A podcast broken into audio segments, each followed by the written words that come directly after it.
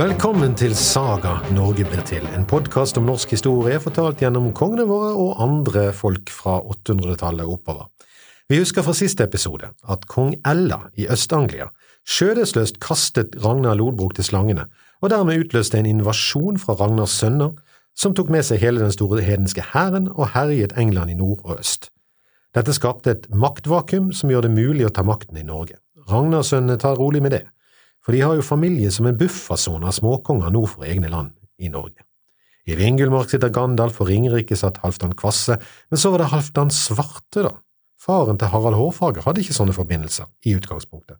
Det var et problem, fordi han hadde en konflikt med Gandalf og hans sønner, men det var en hake ved alt dette, og han lurte i skogen på Hadeland.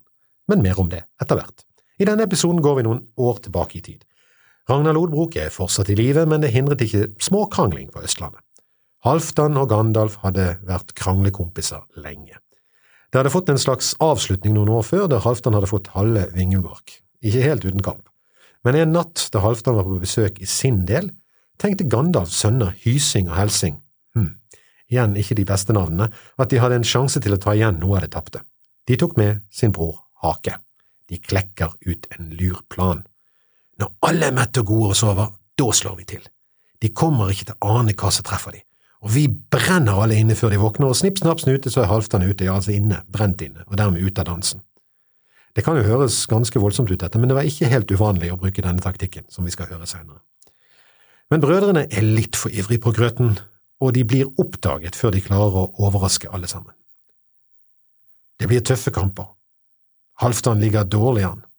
Gandalfsønnene har blitt oppdaget, men Halvdans menn er uforberedt, Sverd og ringbrynjer ligger på feil steder og under sengen istedenfor på folkene, og det blir harde kamper, og det er like før Gandalfsønnene får has på Halvdan. Hadde de klart det, hadde Norges historie vært veldig annerledes.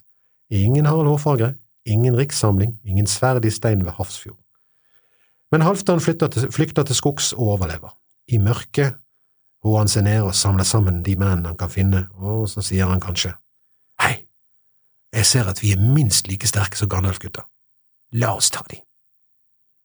Og så ytrer han de ord som gjør at vi alle er sikre på at vikinger kom fra Vestlandet, og ikke fra Østlandet. Kom igjen, gutter! Kom igjen, gutter! Vi tar dem! Han kommer tilbake med hæren sin for å ta hevn. Han følger etter Hake og kompani inn i Østfold. Og ved Øyeren, det som da het Eid og nå er kjent som Askim og Trøgstad, der når han igjen, og der slår han til. Det blir kamp. Helsing og Hysing faller. Men Hake, han slapp unna. Gandalfs tredje sønn var fri. Det var haken ved det hele, og det var kanskje litt dårlig nytt, eller? Mer om det siden. Plutselig sitter Halvdan nå ikke bare med halve Vingulvark, men med hele. Og nå begynner han å komme farlig nær Ragnar Lodbroks rike. Han trenger noe som kan sikre gode forbindelser med Ragnar. Alle rundt han er i familie med Ragnar. Gode råd er dyre, men igjen er Halvdan den flaksen som skal følge han helt til bredden av Randsfjorden. Nede på Ringerike satt nemlig, som vi vet, enda noen etterkommere av Ragnar. Oldebarnet Sigurd Hjort var nå blitt konge, etter Halvdan Kvasse, og han hadde en datter, Ragnhild. Og Ragnhild var full pakke. Altså, ifølge 800-tallets menn og sagaskriverne på 1200-tallet så var hun alt du kunne ønske deg. Smellvaker, rik og etterkommer av den mektigste mannen i Norden.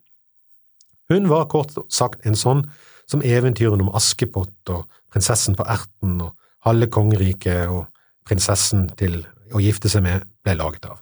Hun var full pakke. Det var jo bare et opplegg for bråk, og bråk ble det. Faren til Ragnhild var konge, og han var helt konge. I sagaen er han kjent som vakrere og sterkere enn de fleste. Men det er ting som tyder på at eh, selv den gang så var ikke nødvendigvis skjønnhet et garanti for, eh, vel, smarthet, intelligens. Han likte å jakte, og han likte å jakte aleine. Dette er urmannen stor og sterk som skal få mat på bordet med egne hender. I en verden uten mobiltelefoner og legevakt eller ambulanse er det å jakte på det sagaen kaller store og farlige dyr alene og uten hjelp i villeskogen, vel, det er modig, men det er dumt. Hele Ringerike visste at kongen av Hønefoss likte å ramle rundt i skauen på egen hånd. Sigurd, som han het, var større og sterkere enn alle andre. Han var urgutten på skauen. Han fryktet ingen og ingenting. Det burde han kanskje gjort. Han gjorde seg klar en dag som vanlig. Kone, vakre datter, tjenestefolk, jeg drar ut for å drepe store og farlige dyr i skogen, jeg kommer tilbake, når jeg kommer tilbake, med mye kjøtt og skinn, Hvordan ser håret mitt ut, forresten? Men akkurat denne kvelden lurte de aller farligste dyrene i skogen. I en rydning mot Hadeland var det plutselig han som ble jaget vilt. Her kommer hake tilbake i historien, men dette er en annen hake, det er nemlig berserkenhake, og berserken ligger på lur med 30 av sine beste menn. 30 mot 1, det høres ut som feige lag. Og igjen lyder Kom igjen, gutter, kom igjen, gutter, vi tar dem, han er bare én! Men Sigurd var Sigurd, stor og sterk. Sigurd dreper én, han dreper to, han dreper tre, han dreper fem, han dreper ti, til det ligger tolv døde mann og Hakes ene arm igjen på slagmarken. Normalt skulle Hake stukket av nå, med halen mellom beina. Eh, kanskje det er han som inspirerer den svarte ridderen i Monty Pythons Ridderen av det runde bord. That's just a flesh wound, come back, I'll bite your legs off. Men med én arm og sine 18 siste berserker går han på, og nå må Sigurd endelig gi tapt. Dermed slipper han de litt kinkige spørsmålene som ville kommet om han hadde kommet hjem, eh, om hva han gjorde i en rydning mot Hadeland når han skulle vært i skauen og jaktet. Det får han svare for i Valhall i stedet. Mens han, de tolv og armen til Hake venter på valkyriene, kan Hake nå gjennomføre det som sannsynligvis har vært håpet og planen hele veien. Han etterlater Sigurd, sine tolv døde og armen i rydningen og drar til Sigurds gård. Berserken Hake plyndrer gården for gods og sølv. Han tar også med seg den største skatten, Ragnhild. Hei, vakre møy, du blir med meg. Hm, er det broren din, han er ganske pen han òg. Det er jo farsarven hans, så jeg tar med han også. Av gårde til Hadeland drar Hake med hele byttet og søsknene. Han kaster ikke bort tiden, og bryllupsinvitasjonene går ut med en gang. Nå er det viktig å skyte inn at det var sett på som helt akseptabelt å forlove seg på denne måten på den tiden. Giftermål trengte strengt tatt bare at en av de to sa ja. Det var helt vanlig etikett å gi damen valget mellom å gifte seg eller dø. Så invitasjonene gikk ut, og av datoen, men hvilken dato? Det var vel faktisk en hake med dette for Hake. Hake hadde som sagt mistet en arm. Sigurd hadde gitt ham mange andre sår også i en tid uten antibiotika og der legekunsten besto av en antivaksers drøm av grøtomslag, magiske besvergelser og ofring til gudene, så dro de ut med giftermålet. Hake ville, men bryllupsplanleggerne holdt ham i han. Én én, bare én arm, vi kan klare det. Selv krigsguden Trym hadde bare én arm. Fenrisulven tok den andre, men altså, du må kunne stå oppreist, og alle disse betente sårene gjør det litt vanskelig å gjennomføre dette her uten at folk snur seg vekk i kvalme. Puss står simpelthen dårlig til bryllupskjolen. Er det sånn du vil ha det? Nei, det var ikke sånn Hake ville ha det. Han så, så, så for seg det flotteste bryllupet noensinne, med landets flotteste dame. Og med hele familien til stede, i hvert fall den ene familien til stede. Eller kanskje han ikke klarte å velge mellom bror og søster. Uansett tyder alt på at han faktisk var, vel, i hvert fall forelsket i farsarven deres, og ville dette. Kanskje også fordi med Ragnhild og broren fulgte jo også farens rike. Dermed ventet han for å bli bedre, og for å få det perfekte bryllupet. ikke ventet for lenge. Det blir vinter, og det blir is på vannet.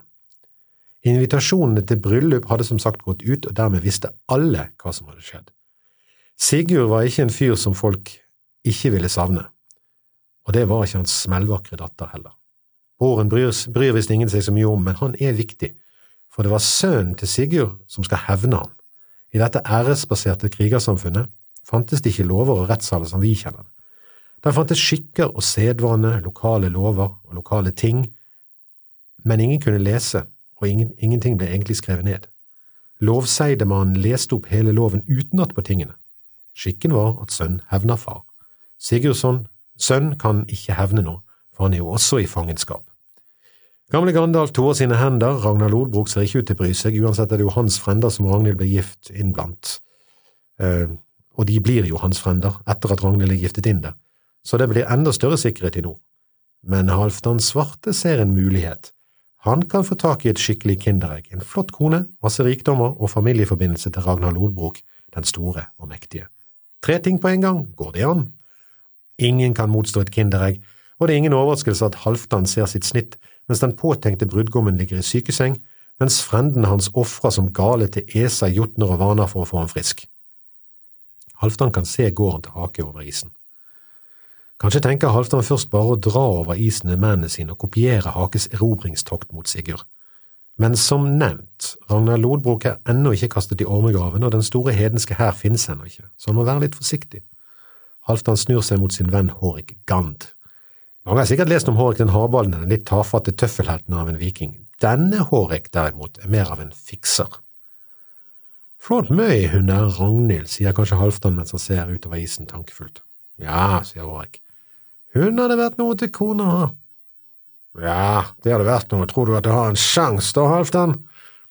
Nei, jeg vet ikke helt, jeg har jo ikke møtt henne ennå, jeg har hørt mye om henne, da. Mm, om det bare fantes en måte før hun giftes, sier Halvdan. Aki ligger jo nærmest for døden, vi burde bare dratt rett bort og røvet henne. Ja, det var en tanke. Nei, det går vel ikke. Jo, jo, jo, vi bare rasker over isen før det blir dag, tar de før det våkner, stikker av med byttet, jeg, jeg mener jenten. Genialt, Hårek, du er helt klart den smarteste gjesten i hirden min. Takk for at du vil gjøre dette for meg. Ta de beste mennene mine med deg, og du kan beholde en halv, nei, tredjedel, nei, en fjerdedel av sølvet, bare er for Ragnhild. Lykke til. Vi vet ikke om Hårek gremmes og lager et notat til seg sjøl om å holde kjeft i fremtiden. Det vi vet, er at han tar med seg hundre mann og lusker over isen. I grålysingen kommer han fram til Hakes. Han tar ingen sjanser. Han setter vakt ved alle dørene, bryter seg inn der Ragnhild og broren sover, tar med de og alle skattene han finner, i en vogn og setter fyr på husene der alle sover. Igjen settes det fyr på husene der alle sover. Hake er ikke helt fortapt, til tross for mangelen av en arm og sårene sine. Den enarmede berserken kommer seg opp av sengen og følger etter. Han vil verken gi slipp på sølv eller forlovet. Men Hårek har fått et forsprang, og Hake klarer ikke å ta han igjen. Fremme ved isen ser Hake at skattene forsvinner i det fjerne. Gårdsbygningene brenner. Om det er tap av sølv eller Ragnhild eller gården eller bare prestisjetapet av å måtte avlyse bryllupet som gir utslag, det vet vi ikke, men med Ragnhild borte kaster den enarmede og sårede banditten Hake seg på sitt eget sverd der på stranden. Romeo Hake dør, den enarmede berserken er ikke mer. På andre siden av isen står Halvdan og speider etter Hårek. Når han ser vognen komme over isen, skjønner han at dette har gått bra. Kanskje gjør han en liten seiersdans der på stranden og jubler. Ja, ja, ja, hvem er kongen, hvem er kongen, jeg er kongen, jeg er kongen. Men han jubler ikke lenge, han bruker ikke mye tid på det. Før vognen er kommet til stranden, har endringen i bryllupsinvitasjonene gått ut. Nytt sted, ny brudgom og ny dato, og den datoen er i dag. Halvdan har ikke tenkt å gjøre samme ventefeil som Hake, her skal det skje på timen. Ragnhild går ut av vognen og inn i ekteskapet. Dermed har Halvdan fått damen, skatten og riket. Det blir en bra fest. Hvor mange gjester som klarer å snu seg rundt, vet vi ikke, Halvdan og Ragnhild blir imidlertid spleiset. Hva betydde et ekteskap den gangen? Normalt var det en kontrakt mellom to familier, og det var både et samliv og et eiendelsskifte. Begge parter kunne i teorien avslutte ekteskapet.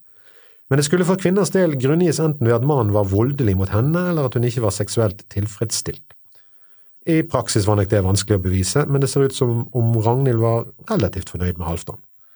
Det var i alle fall ingenting som tyder på at hun var misfornøyd, og noen år senere skulle hun gi Halvdan sønnen som skulle samle Norge. Eller skulle hun det? Det er ting som tyder på at hele denne historien er bare funnet på. Det var nemlig to Ragnhild i Halvdan svartes liv, og for sikkerhets skyld har begge to en sønn ved navn Harald. Sånn at ingen skulle bli forvirret, altså. Så hvem er egentlig Harald Hårfagre, og hvem er egentlig moren hans, og spiller det noen rolle? Farskapet er sikkert, men morskapet usikkert. Det pleier jo strengt tatt å være omvendt. Og hvilken Harald er den hårfagre? Forviklingene står i kø når vi neste gang forsøker å finne ut hvem er moren, og hvem er sønnen, og hvor kommer de egentlig fra, og hvilken rolle spiller det i denne historien?